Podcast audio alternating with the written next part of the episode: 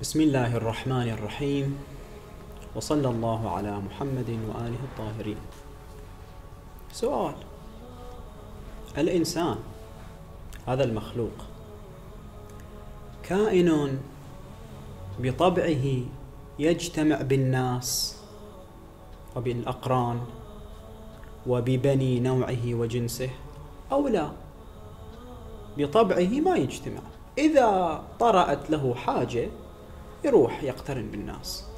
وإلا ما له علاقة يروح. قالوا قال أهل العلم أن الإنسان بطبعه كائن اجتماعي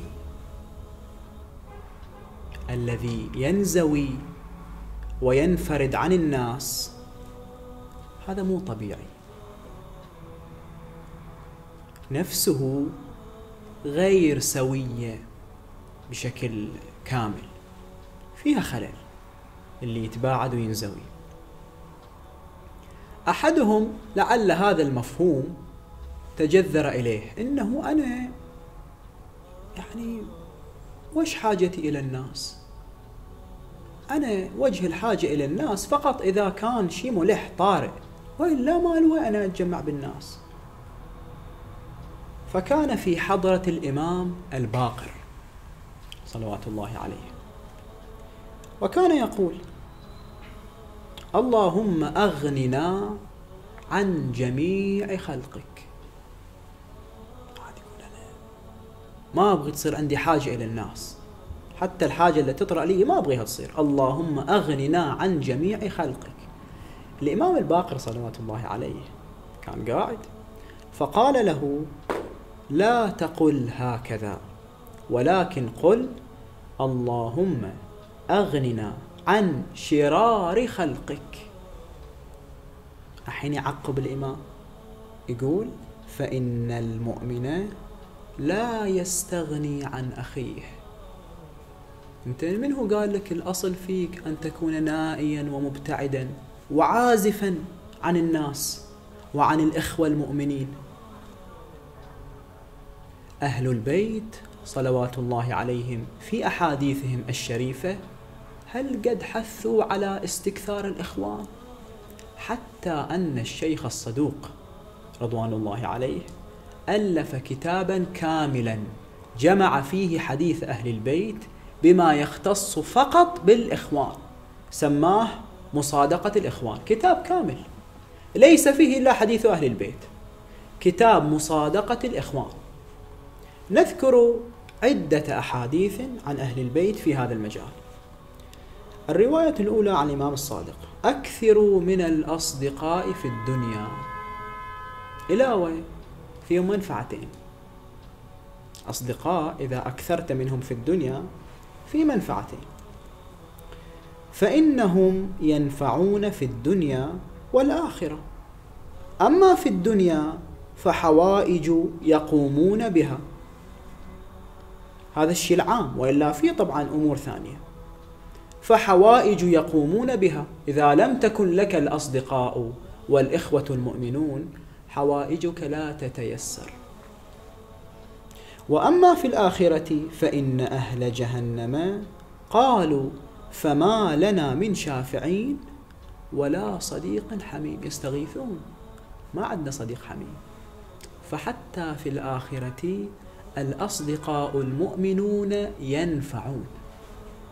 الرواية الثانية عن الصادق من آل محمد عليه السلام قال استكثروا من الإخوان فإن لكل مؤمن دعوة مستجابة. هل قد أصدقاء عندك في التلفون وفي الواتساب؟ لو بس كل واحد دعا لك دعوة واحدة كانت مستجابة في حقك. وفي رواية ثانية مو دعوة مستجابة فإن لكل مؤمن شفاعة. استكثر من الشفعاء الأصدقاء الإخوة المؤمنون. وزين واحد ينبه على هذا القيد. الرواية الثالثة التي تبين أن الإخوان منفعتهم منفعة عظيمة. قد تتصور بعض الأمور الواضحة وفي أمور تغيب عنك. لا تكتشفها إلا بالأخ المؤمن. عن الحسن بن راشد قال قال لي أبو عبد الله عليه السلام يا حسن إذا نزلت بك نازلة فلا تشكها إلى أحد من أهل الخلاف. بعض المرات واحد يثقل شوي تعب. تلم به الأيام. تدلهم عليه الظلمات. يتعب الواحد. يبغى يطلع اللي عنده. إحنا نقول يفضفض. وأنا يودي هذا. يا انه يقعد في البيت ويقولها للطوف ما راح يجد استجابة. أو أنه يوكلها إلى الأخ الثقة. زين ليه رحت؟ قلت لي أنا؟ وش النتيجة؟ شوف الإمام وش يقول. فإنك إن فعلت ذلك طبعا إذا قالها لأهل الخلاف.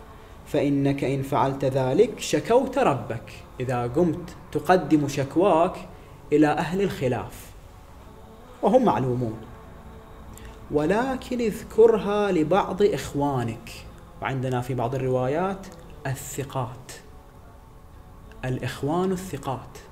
ولكن اذكرها لبعض إخوانك. فإنك لن تعدم خصلة من خصال أربع. واحدة من أربع بتطلع منها أكيد. واحدة من أربع إذا شكوت أمرك إلى أخيك المؤمن الثقة. إما تقوية بمال. يمكن مشكلتك أنت مشكلة مالية هو بقويك. وإما معونة بجاه. يمكن مال ما عنده بس له صيت له حسب. يقدر يتحرك باسمه إليك. وإما مشورة برأي إذا كان من أهل الحكمة ومن أهل المعرفة والدراية وخاض التجارب يشير عليك بالرأي ويكون رأيه ناصحا سديدا. وإما دعوة مستجابة. يمكن ما يكون لا الأول ولا الثاني ولا الثالث لكنه يدعو لك فيستجيب الله دعاءه لك.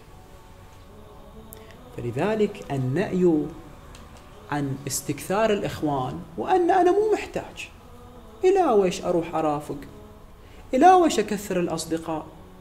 إذا طرأت لي حاجة مثل هذا راح يدعو الله أن يغنيه عن جميع الناس.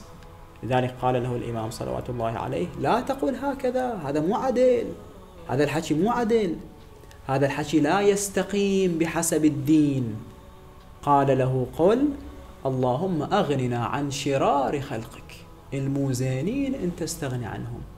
لكن الإخوان الثقات استكثر منهم. والحمد لله رب العالمين.